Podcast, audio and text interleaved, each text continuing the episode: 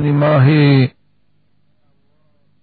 شوال که در آن روز اولش روز عید است روز شادی و خرسندی امت اسلام است. تبریک و تهنیت می‌گویم. اولا از خداوند مهربان به خاطر توفیق دادگیش که این ماه به پاکی روزه داشتیم. و قیام لیل کردیم و نماز جمعه و جماعت ادا کردیم. هزاران هزاران شکر و سپاس می‌گویم و بعد از آن و آمدن عید مبارک رمضان شما را و خاندان شما را و تمام برادران مسلمان در کره زمین تهنیت می‌گویم تبریک می‌گویم خداوندا روزه های اونها را قبول فرماید.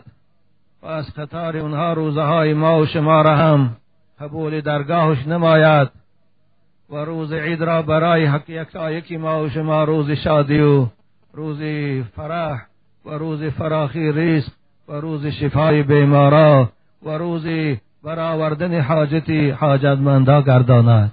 آمین. برای آنکه از راه دور و نزدیک به خاطر ادای نماز جمعه و به خاطر شنیدن کلام خدا به این مسجد به این مدرسه محمدی تشریف نمودید. از خداوند در این روزی اجابت دعا و در این لحظه پرفیض برکت عاجزانه دعا می‌کنم. خداوند شما را به هر مقصودی که داشته باشید چه دنیوی چه اخروی رساند و هر آرزویی که داشته باشد خداوند برآورده گرداند و بیمارهای شما را شفای کامل عاجل نصیب گرداند و به فرزندان شما را خدایت قادری فرزند صالح و برای پدر و مادر نور چشم نصیب گرداند خداوند از زندانیای شما را از زندانها خلاص گرداند و مسافرای ما و شما را و خصوصا عاشقان مدرسه محمدی را در کجایی که نباشند سلامت نگه دارد. و از این منبری رسول اکرم از این فرصت استفاده برده برای تمام عاشقان مدرسه محمدی که در مسافرت ها هستند در کجایی که نباشند از وطن دور اونها را به این روز مبارک روز عید رمضان تبریک و تهنیت می‌گویم. خداوند اونها را در مسافرت ها سلامت دارد. رزقاشان فراخ گرداند و هر مقصودی که داشته باشند به مقصودشان رساند. و بعد از انجام کار و بعد از ادای سفر سلامت به خاندانشان نزد یار و برادر و نزد همسرا و فرزندانشان و نزد پدر و مادرشان سلامت بیایند. آمین یا رب العالمین. چگونه که در جمعه گذشته وعده کرده بودم درباره یکی از فریزه های الهی یکی از رکنهای دین مقدس اسلام زکات با شما صحبت می‌کنم.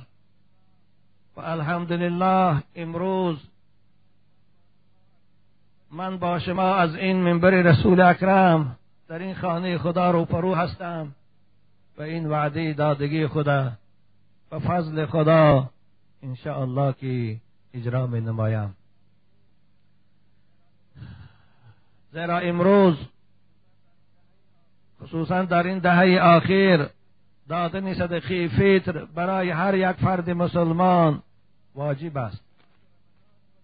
زیرا که رمضان مبارک و روزه های ما مقبول درگاه خدا نمی شوند تا اگر ما صدقی فطر ادا نکنیم. صدقی فطر هم یک نوع از زکات است. صدقی فطر هم فرضیتش چگونه نزد جمهور فرض است و وجوبیتش چگونه مذهب ماست. ثابت است به همون آیتی که زکات با آن فرض شدگی است. اعوذ بالله من الشیطان الرجیم. و اقیم الصلاة و آت الزکاه بنابراین به مناسبت فرارسیدن عید و به مناسبت واجب شدن صدقی فطر که در شب عید برای هر یکی از ما و شما با طلوع صبح روز عید واجب می گردد صحبت انشاءالله می نمایم شاید این صحبت من برای شما عاشقان مدرسه محمدی یک درس شود. و شما اگر به این صحبت شنیدی خود عمل کنید. هم برای من سعادت بزرگ است و هم برای شما عاشقان مدرسه محمدی. اکنون با توفیق پروردگار با وعده خود اجرا کردن شروع می نمایم أحمدك يا الله كما ينبغي لجلال وجهك ولعظيم سلطانك. وأصلي وأسلم صلاة وتسليما يليقان بمقام أمير الأنبياء وإمام المرسلين. وعلى آله وأصحابه أجمعين.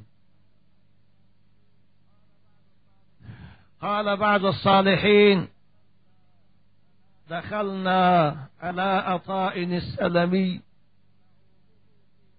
نعوده في مرضه الذي توفی فیه یکی از دوستای خدا میگوید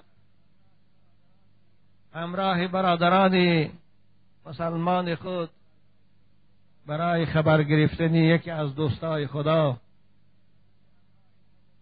حضرت عطا سلمی رفتیم او بیمار بود. بیماری که بعد از چند وقت به سبب آن وفات کرد.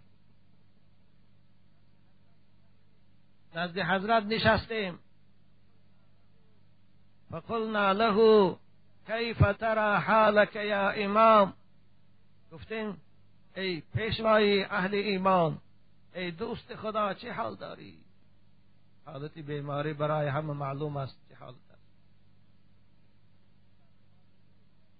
او در جواب چه گفت؟ از حال من چی می‌پرسی؟ الموت فی عنقی.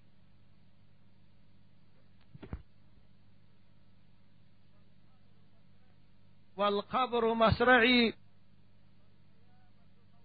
والقيامة موقفي وجسر جهنم طريقي فبكى بكاء حتى غشي عليه. از حال من چی میپرسه؟ گفتم مرگ. به من نزدیک شده ایستاده است. نشانه های مرگ به من نزدیک آمد. بعد از برآمدن روح از بدن قرارگاه من موقتا خانه قبر است. خانه تنها خانه خنک خانه تاریک خانه کیرمها والقیامت موقفی بعد از آن که از قبر خستم. باز روزی دهشتناکی دیگر در پیش من است که آن روز روز قیامت است. که چند هزار سال در آن روز دهشتناک در پیشگاه با عظمت خدا راستا می ایستند کسی از حال ما نمی پرسد و جسر جهنم طریقی. باز از این دهشتناکتر. کپرکی دهشتناکی. بالای جن دوزخت کشیده شدگی پل سرات. گذرگاهی من است. باید از بالای وی گذرم. چگونه می گذشته باشه. آه گفته حضرت گیرستن آنقدر گیرستن آنقدر آب دیده کردن که بهوش شدن و افتیدن فلما افاق وقتی که بهوش آمدن آب دیده هاشان میریخت دست برداشتن به سوی آسمان و دعا کردن اللهم ارحمنی وارحم وحشتي في القبر وارحمني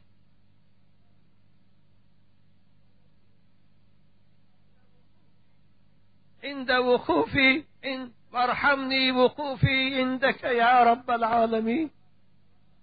دستاش برداشت دعا که حال من به حال بندی عاجز و ناتوان رحم کن.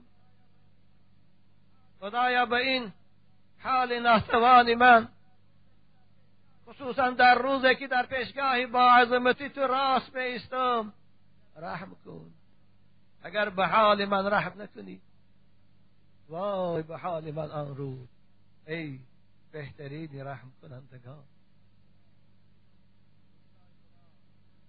دوستای خدا چگونه خوف داشتند؟ از خواندن این حکایه ها در کتاب ها آدم از دعوای مسلمانی کردن شرم دارد اونها چگونه بودند؟ اونها چگونه ترس داشتند؟ اونها چگونه از خدا خوف داشتند امروز حال ما چیست؟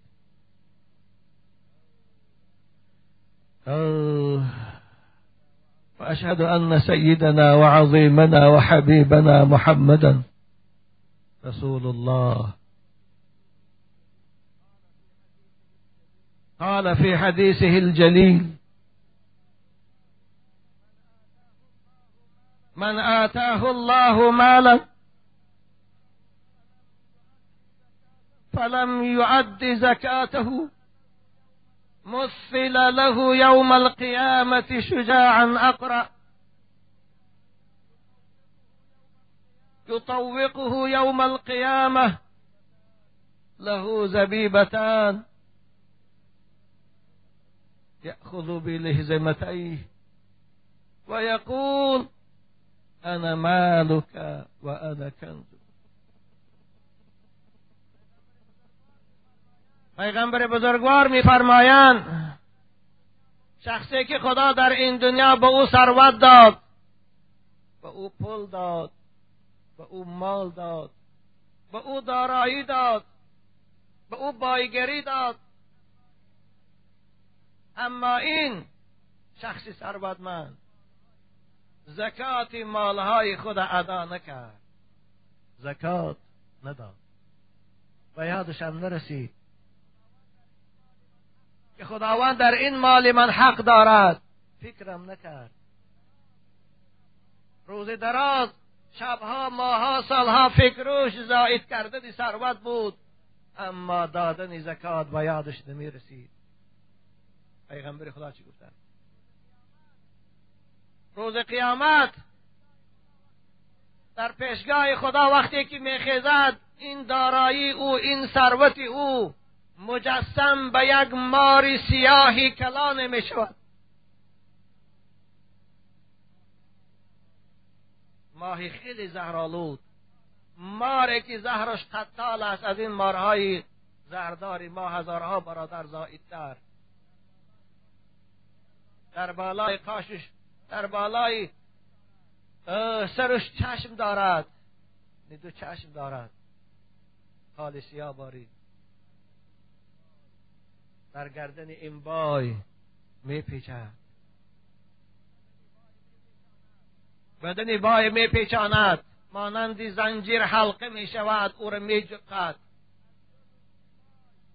از دو لنجی بای از دو پهلوی دهان بای می گیرد با دندانهای تیزی خود و می کشد و زهر می زند و نش می زند می گوید من هستم همون مالهای تو من هستم همون ثروتهای تو من هستم همون تلاها و دلارهای تو.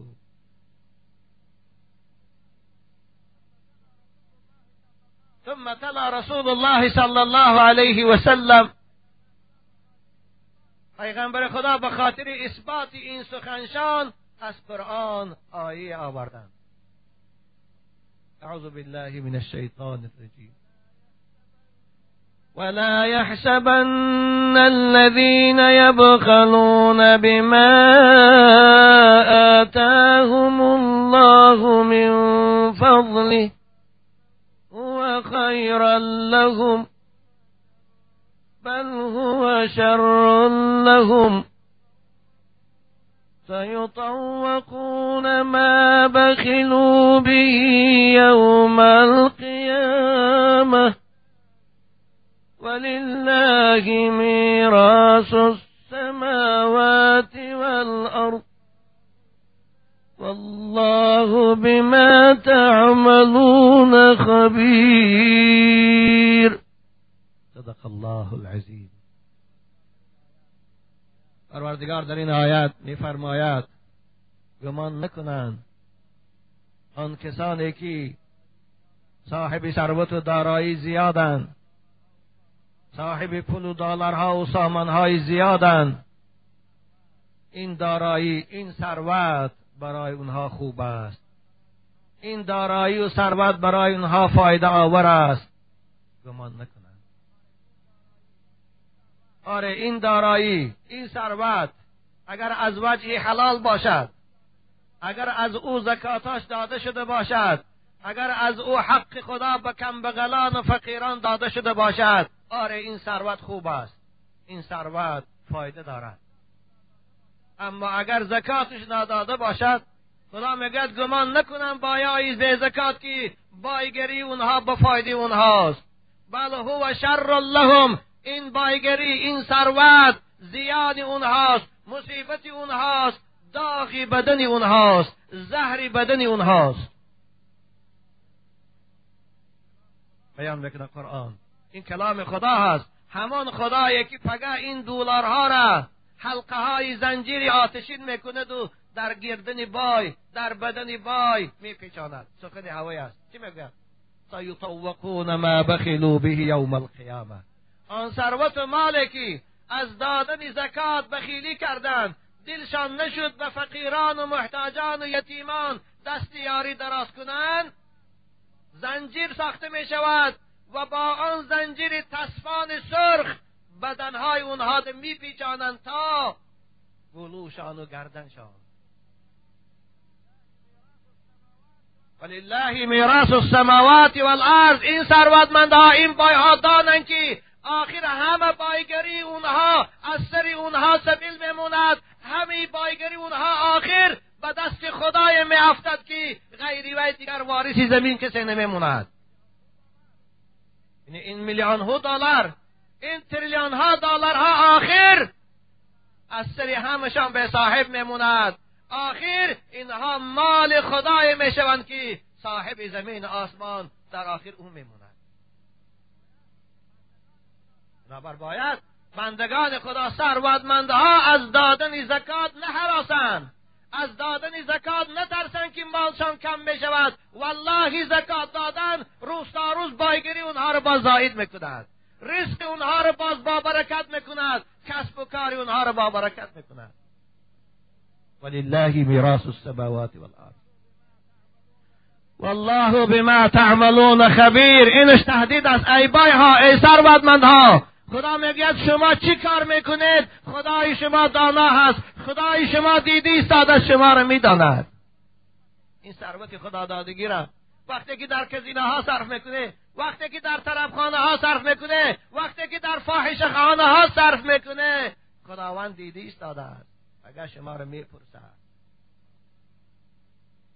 والله بما تعملون. این بود. آغازی صحبت ما از حدیث رسول اکرم صلی الله علیه و سلم اکنون زکات چگونه عبادت است؟ زکات یکی از رکنهای دین مقدس اسلام است. خداوند بندگان خدا امر کرد وقتی که ثروتمند شوند و بای شوند به دادن زکات. این فرمان خدا هست. این فرمان نه پیغمبر است نه ملا و نه ایشان. این فرمان همون خدایی است که شما انسانها را آفرید. شما انسانها را استعداد داد. شما انسانها را لیاقت داد. شما انسانها را قوت کار کردن و قوت مال جمع کردن داد. فرمان او. و آت الزکات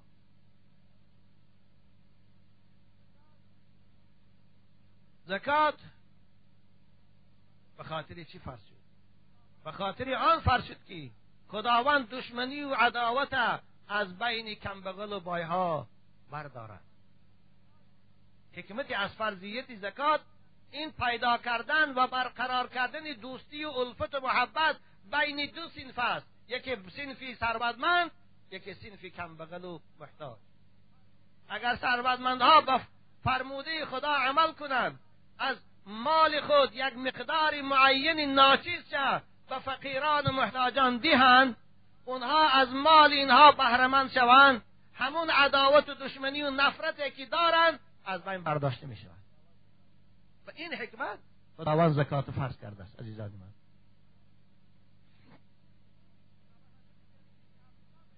بنابر حضرت جریر ابن عبدالله می‌گویند این حدیث صحیح است. امام بخاری روایت می‌کند بایعت رسول الله صلی الله علیه و سلم على اقامت الصلاة و ایتاء الزکاه و النصح لكل مسلم.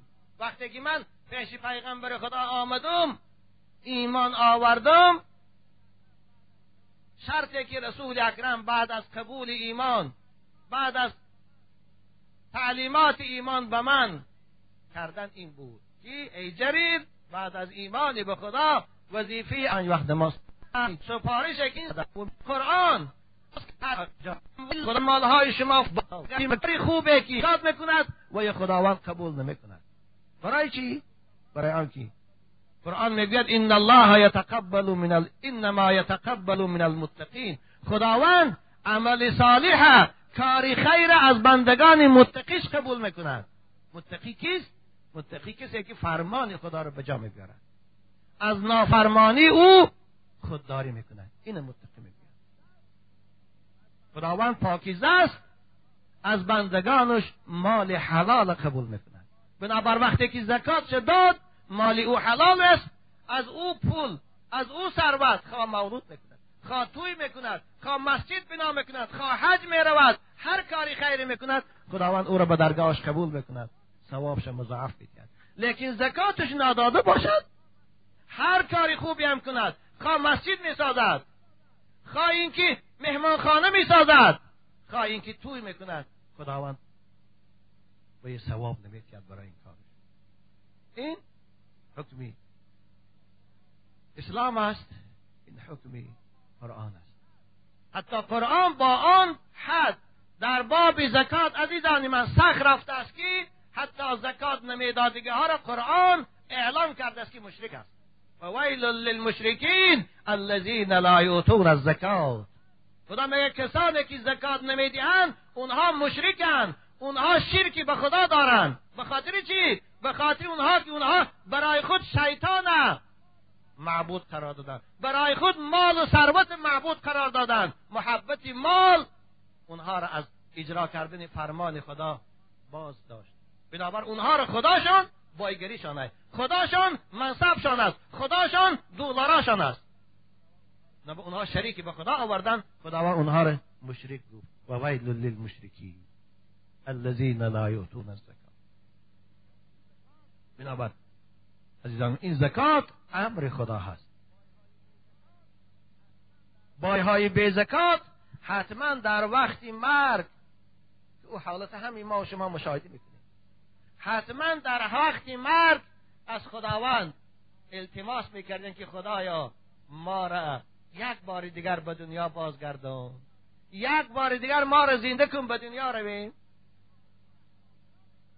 یعنی این آرزو را کافرا می‌کنند این آرزوی کافراست لیکن مانع زکات. اینه کسی زکات نمی‌دید او هم در وقت مردن همین آرزو رو می‌کنند حضرت عبدالله ابن عباس یک صحبت شانده هم تو نشسته بودن. گفتن حضرت من من کان له مال کسی که ثروت داشته باشد یبلغه حج بیت الله الحرام فلم یحج او تجب فیه الزکات فلم یؤدی سأل الرجعت عند الموت. کسی پولش بسیار است حج هم رفتن زورش می‌رسد. زکات دادن هم زورش می‌رسد. اما نه زکات داد و نه حج رفت. زکات هم نداد. حج هم نرفت دلش نشد پولام کم میشه باید گفتن همین آدم یعنی هر دوی این آدم یکی حج نرفت دیگه آدم. یکی بایی به زکات. در وقت مردن از خداوند آرزو می‌کنن که یک بار دیگر ما رو به دنیا زنده کن و بازگردان. این سخن حضرت گفته بودن که شخصی از جاش که گفت اتق الله یا ابن عباس انما یسأل الرجعت الکفار. ای عباس گفتن ای پسر عباس از خدا ترس. آخر این سوالی بازگشتی به دنیا رو فقط کافران می‌کنن حسرت کرده آخر تو نخواد که مسلمان های زکات نمیدادگی را همین حکم در اونها هم گویی. از خدا ترس گفتن. که حضرت عبدالله ابن عباس این که شاه مفسر گفتن آرام باشین. من برای تو گفتن از قرآن آیه می‌خوانم گوش انداز. که خدا چی بگن یعنی به حضرت همین آیه خواندن. اعوذ بالله من الشیطان الرجیم و انفقوا مما رزقناكم من قبل ان یأتی احدكم الموت فيقول ربي من قبل أن يأتي أحدكم الموت فيقول رب لولا أخرتني إلى أجل قريب فأصدق وأكن من الصالحين. همه آیت بخواندن خدا در این آیت أمر کرد که ای ثروتمندها ای بندگان خدا از أو بایگری و ثروتی که دارید در راه خدا صرف کنید. پیش از آن که مرگ به سراغ شما بیاد. پیش از آن که مرگ آمد و گلوی شما را گرفت. پیش از آن که مرگ آمد و شما را در بستر خوابان آن وقت شما می‌گویید که خدایا چو من مهلت نتادی کاش که من باز دو سه سال دیگر بعد از این زنده شدن مهلت می‌دادی. من زکات های خوب می‌دادم. فاصدق. این زکات از ثروت می‌دادم. و اکم من الصالحین. حج می‌رفتم و حج می‌کردم. ببینی؟ حتی بایی به زکات در وقتی سکراتش آرزوی بازگشتی به دنیا رو می‌کنه چرا که من می‌داند که اون مالها از دستش رفت. و می‌داند که دیگر این ثروت و با بایگری برای وی فایده ندارد بلکه برای وی عذاب و حسرت است. آرزو بکنند اما این آرزو دیگر جامعه عمل نمی پوشد بازگشتن دیگر به دنیا ممکن نیست عزیزان من. بزاید مادری ایام یک بار بمردی مردکش ها می‌کنن غار. یک بار به دنیا میبیاری یک بار تو فرصت داری یک بار تو می‌توانی در این دنیا از بایگرید تا آمدن مرگ استفاده بری. وقتی که نتانستی نبردی استفاده دیگر حسرت فایده ندارد. بازگشت ممکن نیست. کلا انها کلمت هو قائلها. به خاطر این زکات فریضی الهی است. بایها و ثروتمندها باید عاشقانه این امر خدا را به جا بیارند. باید این فریضه الهی را ادا کنند.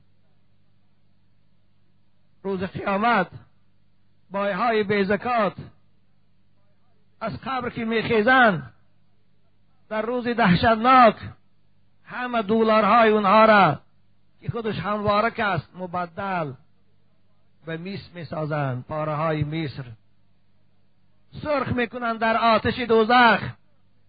پیشانی های باغ بایا. پهلو و پشتی بایا به آن داغ می‌کنند. این حکم قرآن است. این خبری قرآن است عزیزان من اعوذ بالله من الشیطان الرجیم. والذين يكنزون الذهب والفضة ولا ينفقونها في سبيل الله فبشرهم بعذاب علیم. خدا می‌گوید کسانی که تنگو طلا را جمع می‌کنند و در راه خدا صرف نمی‌کنند و فقیران و محتاجان نمی‌دهند و یتیمان و کم بغلان نمیتیند بلکه پولهاشان در ساختنی کزینه ها و طربخانه ها و دیسکتیک ها صرف می‌کنند اونها را بشارت ده اونها را این خبر رسان که عذاب درناک انتظار اونهاست. یوم یحمى علیها فی نار جهنم فتكوى بها جباههم وجنوبهم وظهورهم. هذا ما كنزتم فذوقوا ما كنتم تكنزون. هذا ما كنزتم لأنفسكم فذوقوا ما کنتم تکنزون روز قیامت روز است که این ثروت ها را این بایگری ها را مبدل به آهنای تصفان سرخ شده می کنند و پیشانی باید و پهلو پشتی باید به آن داغ می کنند و می‌گویند این بود همان بایگری که دنیا ده جمعش کردی. دلت نشد. حق خدا را از آن ادا کنی. اکنون چش عذاب این ثروت جمع کرده ات را.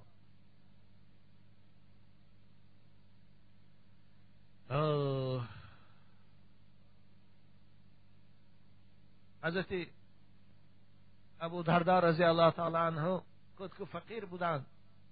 از صحابه های رسول اکرم. نه بایگری داشتن و نه پروای بایگری داشتند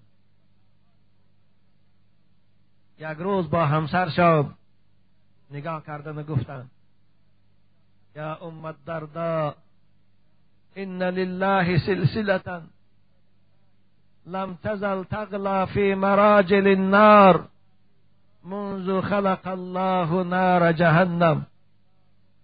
إلى أن تلقى في أعناق الناس. ثم نجانا الله من نصفها بإيماننا بالله العظيم. فحظي يا أم الدرداء على طعام المسكين. شاید حضرت أم دردا شوهرشان یگان سرزنش کردند که تو مانند دیگرا پول ذخیره نمی‌کنی. مانند دیگرها یک چی آورده در خانه پنهان نمی‌کنی. خانه من تو چی ندارد گویا سرزنش کرده بودند حضرت به همسرشان گفتن ای مادری دردا خداوند گفتن زنجیرهای آفریدگی است.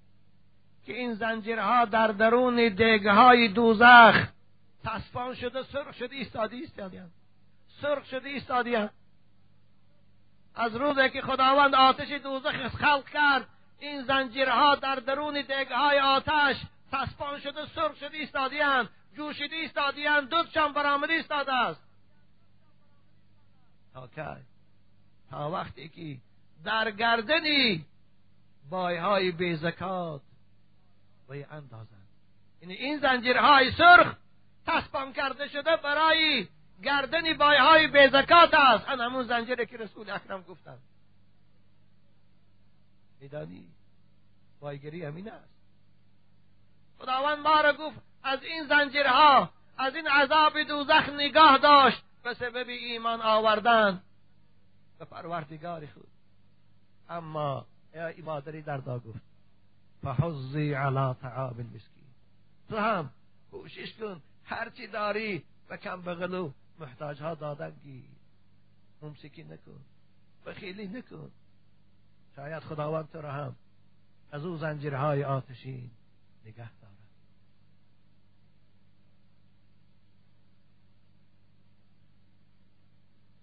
زکات امر خداست. کسی که زکات میتید در پیشگاه خدا سربلند است. خداوند هیچگاه برای بندگانش بایگری را ثروت جمع کردن راحت کردن حرام نکرده است. وقتی که از وجه حلال باشد. شما اگر از راه حلال از کسب حلال ثروت جمع کنید میلیون ها داشته باشید وقتی که زکات ستید برای شما حلال است. شما می توانید از او خانه کنید. می توانید از او لباس های زیبا خرید. می توانید از او ماشین های زیبا خرید. غذاهای خوب آماده کنید. حلال پاکیزه است. که یک شخص حضور پیغمبر خدا آمد گفت یا رسول الله ارائیت من ادى زکات مالی؟ شما به من بگوی شخصی که زکات اگر ادا کند حالا هم این بایگری برای وی. ضرر است؟ حضرت چی گفتن؟ من ادى زکات مالی ذهب عنه شر کسی زکات مال سمیتیت خداوند هیچگاه او رو معاخذه نمی کند. خداوند هیچگاه برای این پول برای این راحتی از وجه حلال کردگیش او رو نمی یعنی این تهدیدات تهدیدی که برای مبایع های بی زکات بود از او برداشته می شود. از این سبب زکات سببی حلال شدن مال است و دیگر اینکه زکات عزیزان من سببی در روز قیامت در روز قیامت. زیر سایی او در راحت کردن ما و شما می شود حتی در حدیث رسول اکرم می‌گویند کل امرئ فی ظل صدقته یوم القیامه هر انسان در این دنیا هر قدر کاری خوب کرده باشد خیر و احسان کرده باشد صدقات کرده باشد روز قیامت در زیر سایه اوست. سایبان بشود. گرمای قیامت در از گرما به سبب سایبانی او محافظت می شود. حتی در دنیا هم آدم هایی که صدقه می‌کنن آدم هایی که زکات میتین آدم هایی که دست یاری به محتاجات دراز می‌کنن اونها را خداوند از بلاها نگه میدارد آیا حدیث رسول اکرم میگن؟ اذهب البلاء بالصدقه شما خداتان در این دنیا از مصیبت ها از کلفت ها از تشویش ها خلاص کنه به سبب صدقه کردن. ولی یک مقال داریم. صدقه را دی بالاس میگن تاجیکایی ما. از این حدیث رسول اکرم. گرفته شده دیگر صاحب کتاب مجالس شهور یک حکایه در شرح همین حدیث می‌کند. میگه در زمان حضرت داوود علی نبینا و علیه السلام یک جوان بود. خیلی با آداب بود. پاکیزه بود خوش اخلاق بود با طاعت بود. حضرت داوود او را دوست می داشت بنابر هر کجا که سفر می رفت همون جوان همراهیش می برد به او الفت داشت. به او اونس داشت. یک روز همراه همون جوان حضرت صحبت داشتن که حضرت عزرائیل پیدا شد. و حضرت داود واخری کرد و گفت که ای داود این جوانه که تو به او محبت داری او رو دوستش میداری الفتی تو هست بعد از سه روز وفات بکند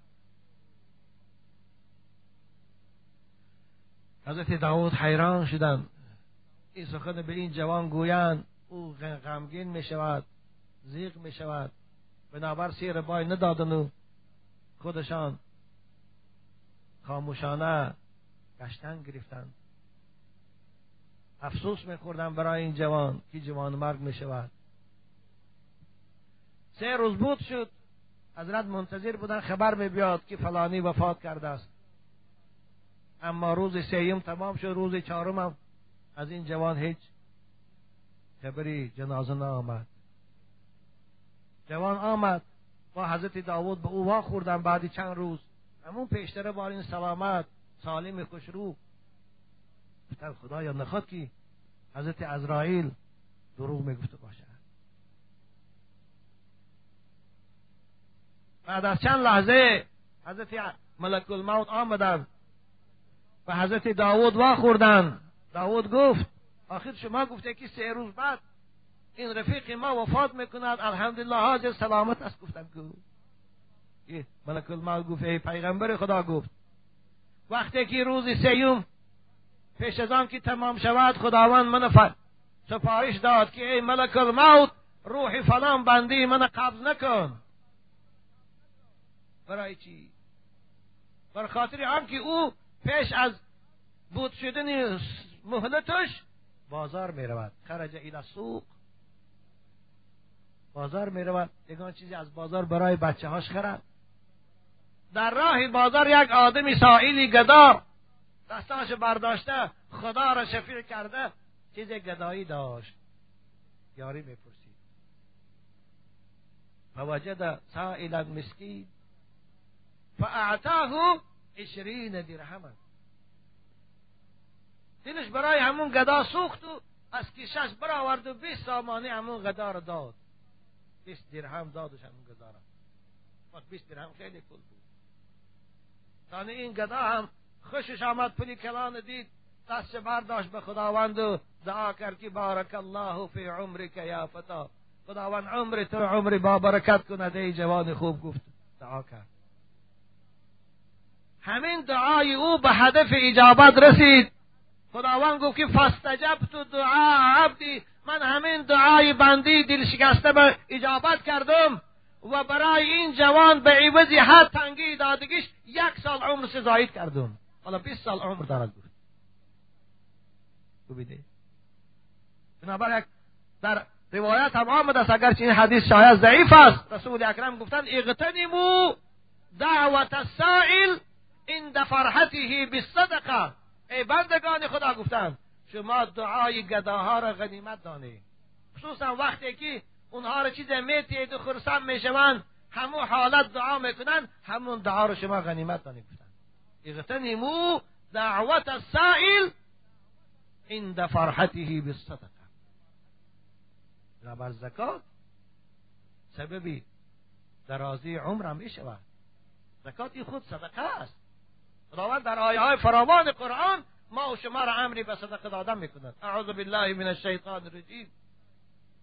ان المصدقین والمصدقات واقرضوا الله قرضا حسنا یضاعف لهم ولهم اجر کریم مردانی که در راه خدا صدقه می‌کنند و زنهایی که از ثروت خود در راه خدا صدقه می‌کنند و فقیران و محتاجان دست یاری دراز می‌کنند خصوصا در این روزهایی که عید فرا رسید ایستاده است.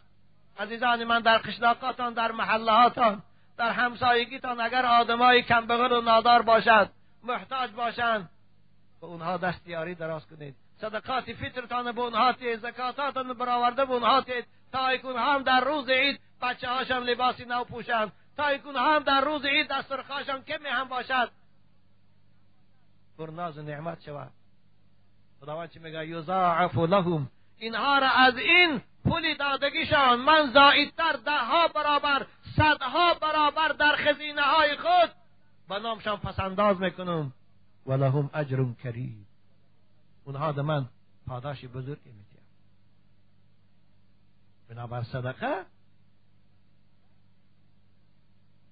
معناش در بنک های الهی پسنداز کردن مال است. مانند که بای های ما امروز در بنک ها پسنداز می‌کنن در خانه هاشون از غارتگرها میترسن خداوندم بنک ها دارد. کسی که زکات میتید کسی که در این دنیا صدقه می‌کند گویا در خزینه های پروردگار پسنداز کردی ایستاده است. پلاشه. در خزینه هایی که در بنک هایی که هرگیز بنکرات نمی شود هرگیز تاراج نمی شود هرگیز زیان نمی آرد شاتی بنک های خداوند هیچ کس نظارت کرده نمیتاند شما ثروتمندها خواه خلوت میتید خواه پنهان میتید خواه آشکار میتید. غیر خدا هیچ کس اون شاتی شما رو نمی‌داند. اگر امروز شات ها رو به دولت ها می‌دانند کدام روز وستی رو تماشا کردم دولت های اروپایی کافر به خاطر پیش گرفتن رواج اسلام دروغ به نام تروریست را یاردمش از گفته همه بنک ها را همه حتی سچات هاشانه زیر نظارت گرفت ایستادیان که از کدام دولت های عرب به کجا پول می بیاد اوستی روز داد ایستاده بود. همین بانه؟ مقصد اونها تروریسم نه تروریسم نیست. او کسانی که جنگ می‌کنن به خاطر وطنشان جنگ دارن به خاطر آزادیشان جنگ دارن. و یار تروریست گفته نمی‌شود. چون زای کس کسبت میان است که قهرمان شد و این بیچاره برای وطن جنگ کرد و عراقی و تروریست بوده است؟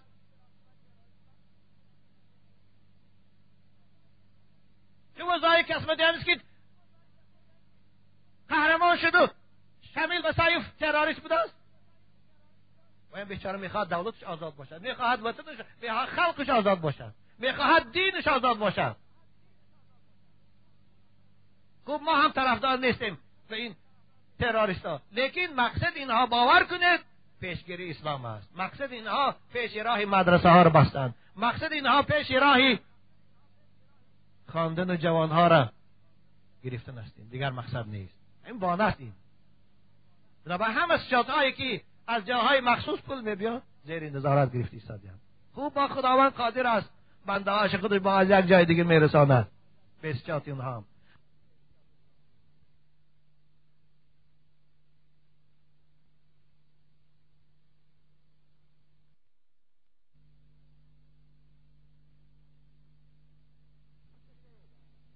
کسی نظارت کرده نمید شما بپروایانه با دیلی پر در بنکه های خدا ذخیره کردن گرید پلاتانه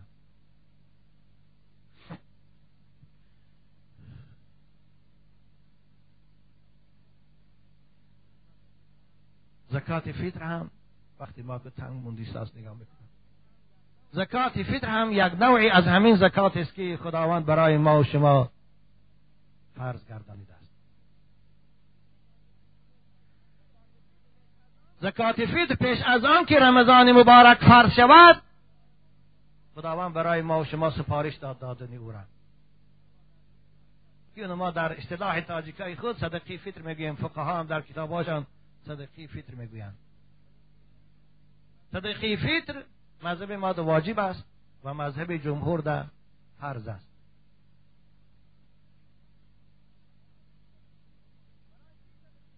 برای چی صدقی فطر واجب شد؟ و چی مقدار دادن در کار؟ و باقی دادن در کار؟ رسول اکرم صلی الله علیه و سلم در حدیث صحیح که حضرت عبدالله ابن عباس روایت می‌کنند میفرمایند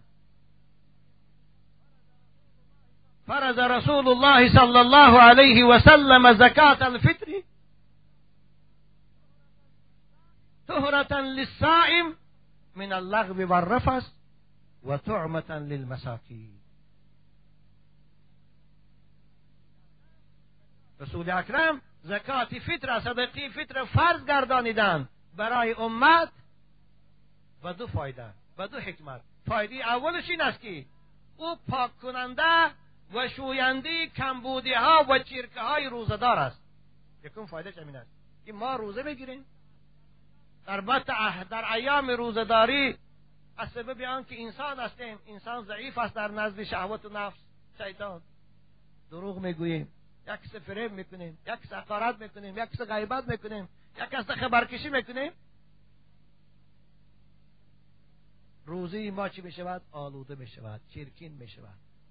روزی حقیقی روزه است که چگونه که اشکم ما روزه می‌گیرد گرسنه میمونیم و باید جوارح ما هم روزه گیرد. زبانمان چشمان دستمان پامان اما ما خمان کنترل کردن نمی‌تونیم بنابر به اختیار است که دروغ میگیم به اختیار است که غیبت می‌کنیم به اختیار است که یک آزار میتیم ایام روزه داری مونده همین روزه ما عزیزان من چی شد؟ چرکین شد. مانند لباس سفید که چرکی می‌شود رسول اکرم و امر پروردگار صدقی فطر فرض گردانیدن این مانندی عینه می شود مانندی صابون می شود مانندی حمام می شود برای شستشو کردن روزی ما بنابر کسی صدقی فطر شمیتید روزی او از آلودگی ها پاک می شود مقبولی درگاه خدا می شود این یک حکمتش دویم حکمتش چی است؟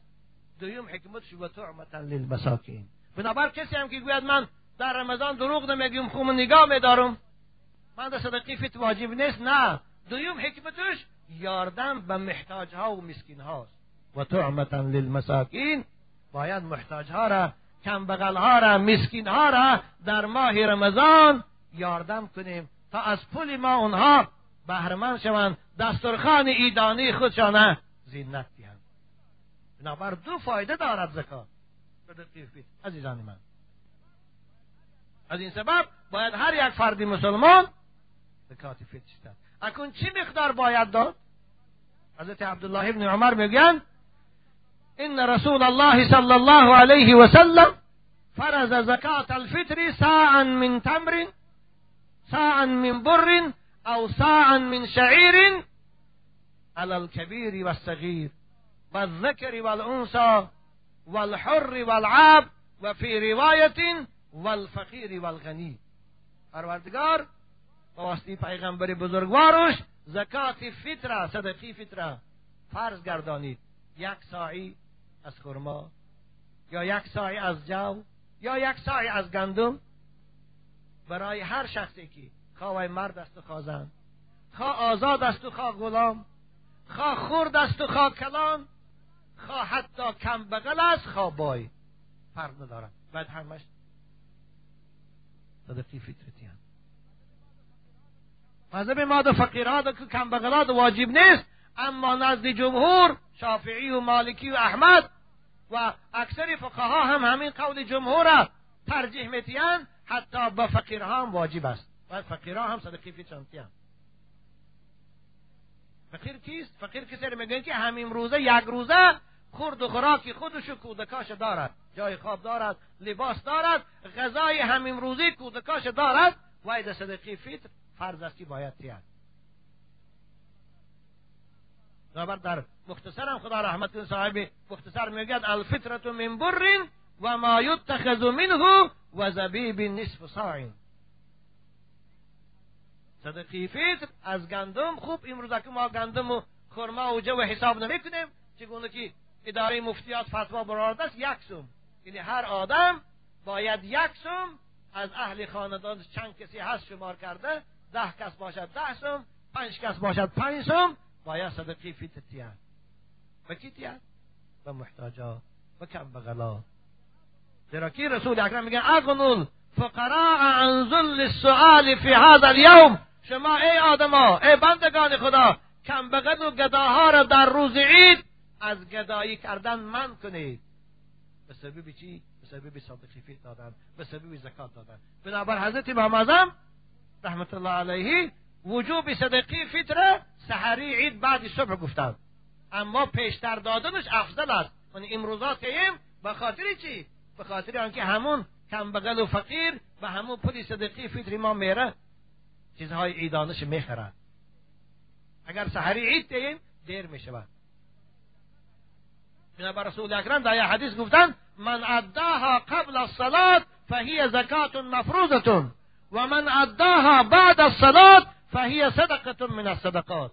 کسی صدقه فیترش پیش از نماز عید داد أو زک... صدقه فیتر است. أو زکات حساب میشد اما کسی بعد عید دیاد أو زکات صدقه فی حساب نمیشد دیگر. نزد جمهور بنابراین باید پیش از عید دادن در برای کی؟ کدام روز دین برای جمعه گذشته یک برادر عزیز از ما پرسیده بود که برای چی صدقه فطره؟ از همه یعنی حتی گوده که گهواره میتیم. به خاطر آنکه این صدقه فطر به خاطر شکرانی خلقت انسانی می شود فطرت گفته خلقت می‌گویند. اینده بای بودن شرط نیست. این سانی مکلف عاقل و بالغ بودن شرط نیست. همین کودکی همین شبی عید پیش از صبح تولد شود. او را مدرشت واجب است که از جانب او صدقه فطر به خاطر به دنیا آمدن همین تیف. به خاطر خلقت او که خداوند او را همچون انسان هر کدام ما و شما را آفریده است به شکرانی خلقت انسانی باید هر یک فرد خواه خورد است و خواه کلان خواه کم بغل است و خواه خواه مرد خازن است صدقه فطر بنابر این حساب ندارد. در این نما هم نیست. اگرچه خدا رحمت کنه حضرت امام اعظم نصاب و شرط کردیان. این نصاب داشته باشد اگرچه نصابش نما هم نکند باید او صدقه فطر اما امروز فقها میگن کسی زمین دارد شخصی خانه زایتی دارد ماشین دارد گاو و مال دارد همینها اگر شمارش به 800 دلار رسد باید واجب است که صدقه فطر ادا کند. اکنون صدقه فطر کیاد باید داد؟ عزیزان من مصرف صدقه فطر مصرف زکات است. همون هشت طایفه که خداوند در قرآن بیان می‌کند انما الصدقات للفقراء والمساکین. هشت طایفه این فقیرها هستند و مسکینها هستند و قصدارها هستند و خوب مکاتبها هستند و دیگر مسافرها هستند و ان همینها را طالب علم هستند همینها را دادنش زکات خداوند امر می‌کند صدقی فطرم به همونها دادن در کار است. بنابر همین ملا امام ها یکی. خواهش می‌کنم ملا امام ها گوش اندازند خدا نگهشان دارد. اگر بای باشند خوشان دلشان باید انصاف کتی شاهدی که اگر خانهشان ده ثروتشان زاید باشد از گرفتن صدقی فیت از قوما پرهیز کنند که حرام است. و بهی تحرم الصدقه کسی که صدقی فیت واجب است وای ده حرام است از دیگرها صدقی فیت گرفته بید و صدقی فیت را به کمبغلات یعنی گیرن. دستی کمبغل و محتاجات یعنی خوب اگر می‌خواهم برای ملایمش امامیش هم پول گیرن غیر صدقی فیت یک چی از طلب کنن گیرن از قوما و اما فهمانن که صدقی فیتانه به کمبغلا و محتاجا خودتان ایتا از دارها درست است. طالب علمات درست است. امروز کوچه ها رو می‌بینیم اکثر خواهرای مسلمان ما شوهراشان پرتافته رفتیان در روسیه صاحبی سه گودک و چهار گودک. نفقه ندارن لباس ندارن محتاجن. همونها در صدقای فیتر این است جای صرفی. صدقی فیتر بنابر خلاصه کلام عزیزان من این است که دادن زکات و دادن صدقی فیتر یکم فایدهش شما را خداوند از صفتی پستی ممسیکی و بخیلی نگاه میدارد. و سببی از بلاها و آفتهای این دنیا خلاص شدن تا می شود و سببی در زیر سایی صدقتان روز قیامت از گرمای قیامت خلاص شدن تا می شود دادن زکات و صدقی فی سببی رسیدن شما به خدا می شود بنابر عزیزان من زکاتاتون تید خصوصا در ماه رمضان کسی یک فریزش ادا کند این یه زکات مال ستیت گویا اینکه هفتاد زکات در غیر دیگر ماها داده باشد. این پیغمبر خدا. هیچگاه زکات دادن هیچگاه صدقی فیت دادن باور کنید شما را کم بغل نمی‌کنند سعدی بزرگوار می‌گوید یک نظم دارد در گلستان شد زکات مال بدر کن کی فضله رز را رز گفته تا که انگور میگن زکات مال بدر کن که فضله رز را چو باغبان بزند بیشتر دهد انگور. همین باغبان ها رو بینه چقدر نوده های تا که کلتتر زنن همون قدر حاصلش با بسیار می شود سال آینده. بنابر زکات دادن این سببی پربرکت شدن مال و ثروت شما می شود خداوند شما را دوست بدارد وقتی که شما زکات آخر صحبت خود به همون قصه حضرت ابو دحداح که در سوره حدید آمده است. بیان می‌کنم و به پایان میرسانم. حضرت ابو دحداح رضی الله تعالی عنه مسجد آمدند کدام از صحابه های رسول اکرم؟ شاید عبدالله ابن مسعود بود. همین آیه مبارکه سوره حدید خان اعوذ بالله من الشیطان الرجیم. من ذا الذي يقرض الله قرضا حسنا فیضاعفه له وله اجر کریم. کی است که به خدا قرض حسنه میتید کی است که خداوند یاردم می‌کند؟ خداوند این عوض قرض دادگیش برای او چند برابر. در جنت پاداش میتید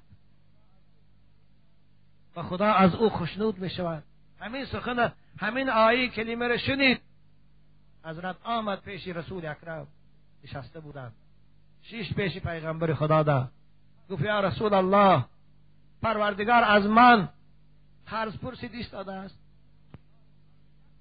چی؟ ایمان اونها رو به یک شنیدن آیت حضرت چگونه به طاقت شدن؟ گفت یا رسول الله خداوند از من قرض پرسید داده است. جناب پیغمبر آره گفتن همه آیت خواندن.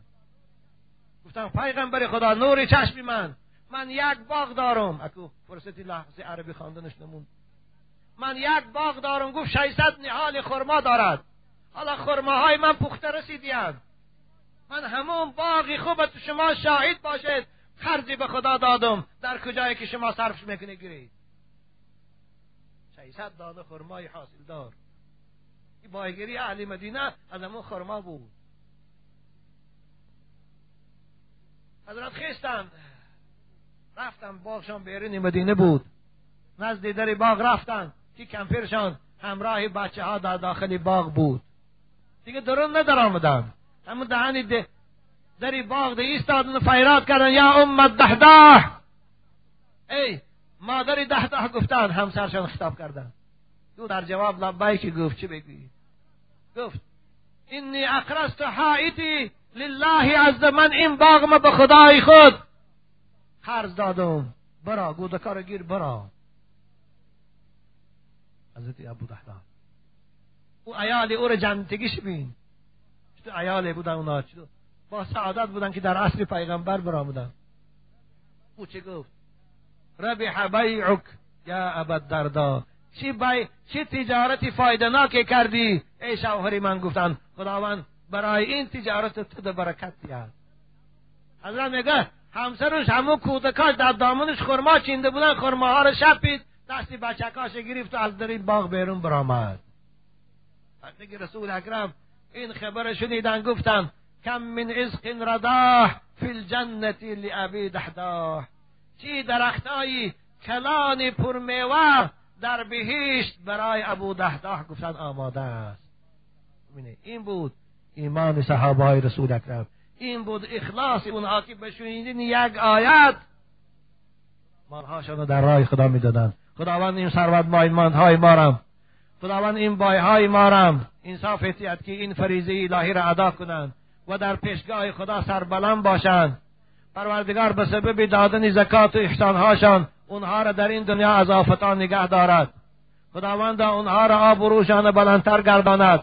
هر سربدمند و بایی که در این ماه رمضان خیر و احسان کرده از خدایت خود میدانی اونها کیا هستند. خیر و احسانهاشان به درگاهت قبول نما. خداوند این زکات و صدقاتشان سبب هم خلاصی تشویش و غم از این دنیا. هم سبب خلاصی جسد اونها از آتش دوزخ کردند. خدایا همه بایهای سربدمنده که زکاتاشان ادا کردند مالهاشان در راهی خدمتی به دین و به خلق صرف می‌کنند. پروردگارا در جنت رفیق حضرت عبدالرحمن ابن عوف رضی الله تعالی عنه گردان. آمین یا رب العالمین.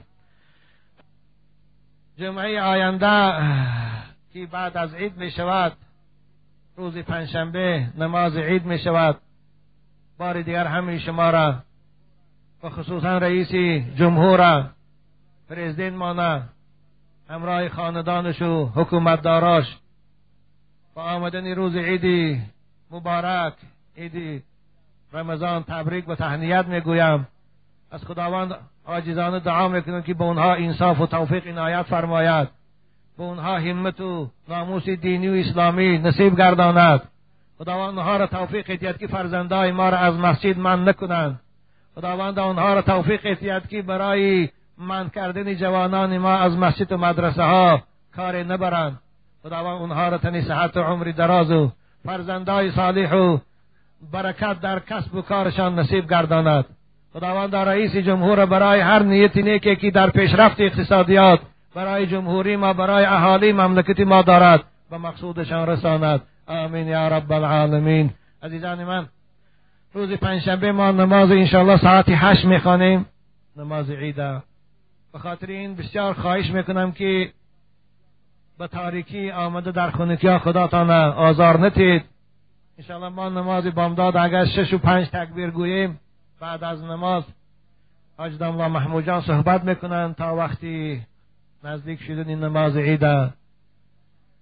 به فرصت از خانه های خود سحری چیزی خورید زیرا که سنت عید عید رمضان این است که شما پیش از نمازگاه آمدنتان غسل کنید این حمام کنید شستشو کنید بدناتان با صابونهای خوشبو شویید موی سر و ریشاتان با من این شمپون هایی که نو برآمده است شویتان خوشبو شود. موی سفیدای عزیز با جرغات شوید. موی ریشاتان ملایمی تازه شود. بعد از آن لباس های خوب تان لباس های نو تان پوشید. لباس هایی که پیش یک مهمانی می روید بعد از پوشیدن لباس های نو خوشبویی زنید عطر زنید. هر نوع عطری که در خانه دارید همش تاهیر است. هیچ کدامش به نماز نمی‌کنه مو سفیدای عزیز. زنیتان عطر زن خوشبویی کنید.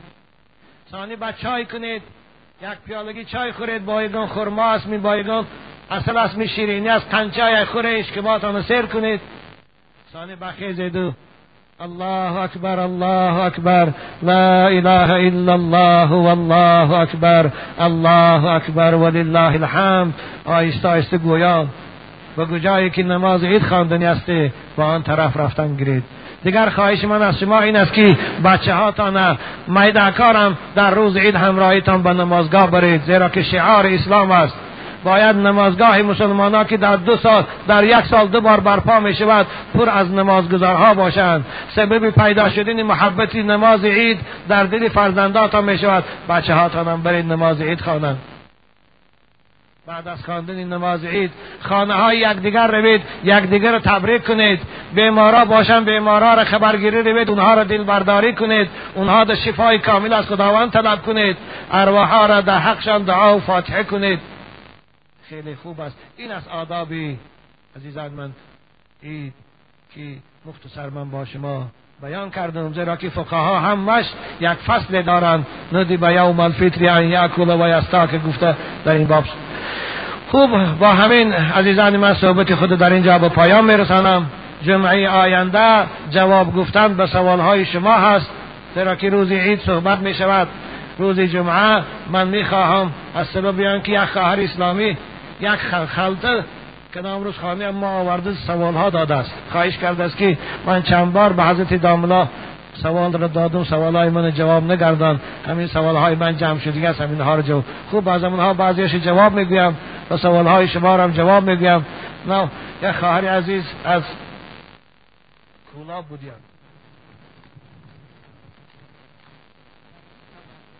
خوب بازی. سلام داملای عزیز اولا از پروردگار سلامتی شما را خواهانم. سوال از جانب خواهر اسلامی شما از شهر کولاب طرز شستن مرده زنان را به ما بفهمانده که کدام سوره ها را خواندن ضرور است. خوب خواهر عزیز خداوند شما را تنی صحت دارد و عمری دراز که به خاطر این سوال شرعی از راه دور به اینجا تشریف آوردید. در این روز مبارک خداوند شما را و دیگر خواهرای عزیز اسلامی ما را بخت سعادت و زندگی خوش نصیب گرداند. ششتنی زن مانند ششتنی مرد است. هیچ فرق ندارد. اول تارت میتید؟ بعد از تارت کردن طرفی چپ میخوابانه طرفی راست می‌شوید؟ ثانی بعد طرفی راست می‌خورید طرفی چپش می‌شوید؟ ثانی بعد اندک بالا برداشته یعنی تکیه گرفته از بالای سر شاه میره اینه چگونه مرد میشویند؟ زنم مانند فرق ندارم فقط همین قدر است که در وقتی خواند شوشتنی مرده یگان دعای از رسول اکرم برای ما وارد نشده است که همین دعا را خوانیم ثانی مرده شویی ما درست شود. اگر این دعا را ندانیم شوشتنی ما درست نباشد این تو دعا آمدگی نیست. شما بسم الله الرحمن الرحیم گویه در وقتی که ششتن آغاز می‌کنید هر چیزی که می‌دانید از دعاها همون خانید اگرچه علی قاری در شرح مشکات در شرح مختصرش مستحب گفته است که همین دعا را کنند غفرانک یا رحمان. همین دعای مردشوی همین است. غفرانک یا رحمان. خدایا طلب می‌کنم که گناه این بنده گذر ای خدای بخشنده و مهربان. شما تاجیکی همین هم گوید می‌شود. خدایا گناهی همین بنده گذر چگونه ما او را به ششتن از بوی ناخوش پاک می‌کنیم؟ خدایا تو به رحمتت گناه او را گذر و پاک کن. غفرانک یا رحمان. همین گفتی است در صحابه علی قاری اما از رسول اکرم یگان دعای معصور وارد شدگی نیستیم. بسم الله الرحمن الرحیم. گویه خوب یگان چیزی که میدانی از دعا خدا خواند ان همین دعا رو گوید می‌شود. همین دیگه شوی دو ثانی بعد شوتن رو در کفان پیش آمید برده در خاک سپاریتان ناگوار بود واهمه زیر کرده بود. من خیال کردم که یگان محتاج است چیزی از من می‌پرسند.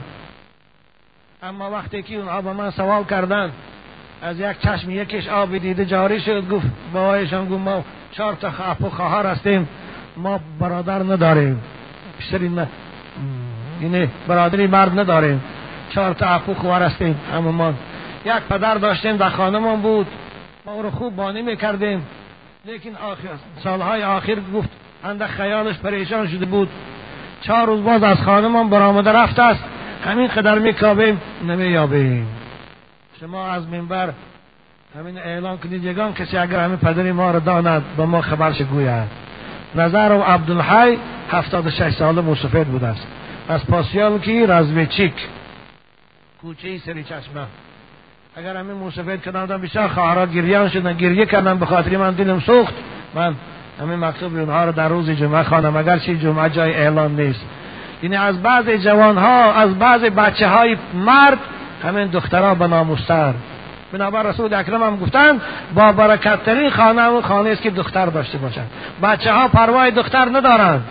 اما این پدر و مادر اما این دو خواهر با آب دیده پدر کافته گشتیم یک سوال خواهش دیگر از جوانایی که در اینجا چند روز اعتکاف ششتن از برادرای کولابی. شیطانهای انسی و جینی نگاه دارد شما انسانی هستید که دلهای مرده ما گناهگاران را به سبب صحبتهایتان زنده کردید. ما از خدا بسیار سپاسگزاریم که شما بر این داعی ها را داعی های حقگو داریم. ما از شما بسیار از مسئله های عقیدوی و فقهی قصه های شیرین پیغمبران صحابگان را یاد گرفتیم و شنیدیم.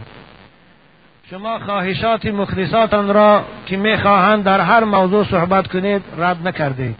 ما هم بسیار خواهش داریم از شما که در موضوع درآمدن دوزخیان در دوزخ و عذاب کردن اونها و چگونه بودن دوزخ یک جمعه در آخر ماه رمضان صحبت می‌کردید ما در جمعه آخر ماه رمضان در صحبت شما اشتراک می‌کنیم و این ثبت شما را خریده به جایهای خود ما می‌بریم و به دیگران میرسانیم و از شما بسیار التماس می‌کنیم که خواهش ما را در این وقتی معین کرده امان اجرا کنید زیرا ما از راه دور می آییم قریب از 200 کیلومتر زایدتر. خدا یارتان باشد. خوب دادرای عزیز انشاءالله من این خواهش شما را اجرا می‌کنم. اما این جمعه به خاطر آن من در باب زکات صحبت کردم که صدقی فطر احکامش بیان کردن ضرور بود. جمعه آینده موضوع صحبت من سوال جواب باشد. اگر بعد از او یک جمعه دیگر میگذرد جمعه سوم اگر من خدا زنده دارد و سالم باشم و شما عزیزانم خداوند نگه دارد. من صحبت مفصل یک ساعته در باب دوزخ و احوال دوزخیان با شما عزیزانی یعنی دو جمعه پس من این وعده خود انشاءالله در جمعه سیوم اجرا می‌کنم. اکنون یک دعای دیگر هم کنیم. خداوند به حرمت این ساعت اجابت دعا به حرمت این روز مبارک رمضان و این جمعه آخر خدایا این بندگان تو هر مراد و مقصود که داشته باشند و مقصودشان رسند خصوصا دادر عزیز که طالب علم از ناحیه کویبش از من التجا کردند که خدا حضرت ایشان دعا کنه در این روز مبارک خدا برای من فرزند صالح نصیب کند. خدایا تو قادری تو خود وعده کردی که دعا و حاجتی محتاجا را میبراری. این بندی خود که اهل علم است به او فرزند صالح و فرزندای زیاد نصیبش کن که خاندانی و پر از فرزند شود پروردگار بیمارای ما را شفای کامل و عاجل نصیب گردان خداوند از زندانیای ما را از زندانها خلاص گردان خداوند فرزندای ما را از پیروی قرآن و اسلام جدا نگردان خداوند خواهرای عزیز ما را از بے حیایی و بے عفتی و بے حجابی نگه دار خدایا خاندان ما را از آفتهای زمینی و خصوصا این جمهوری عزیز ما را از بلاها و از, نا از اختلافها و ناآرامی ها نگه دار پروردگار الفت و محبت و دوستی را در بین ما تاجیکان و خصوصا در بین ما عالم اسلام و مسلماناش همیشگی برپا بیدار گردان. پروردگار گذشته های ما را که در خانه قبر و حسرت خوابند در این دهه آخر ماه مبارک رمضان غریق رحمت گردان. خدایا اونها را از آتش دوزخ خود خلاص گردان و شایستی رحمت و دخول جنت گردان. آمین یا رب العالمین. عزیزان من این سحر مسجد ما را گلیم هاش همش نو کردن یکی از دوستای خدا از حساب خودش جوان مردی کرده. یعنی زیر پای شما بودگی پلس ها را همش نو کردن. دعاشم کنیم خداوند خوشان و فرزنداشان از آفتهای زمینی آسمانی نگه دارد. از شر ظالما و حاسدان محفوظش بدارد. از های جنت و گلیم های ملایم جنت که قرآن وعده کرده است و فروش مرفوعه. یعنی این دوست بنده خدا را خداوند خودش می‌داند که اوست. با نصیبش گرداند همراه خاندانش. آمین یا رب العالمین.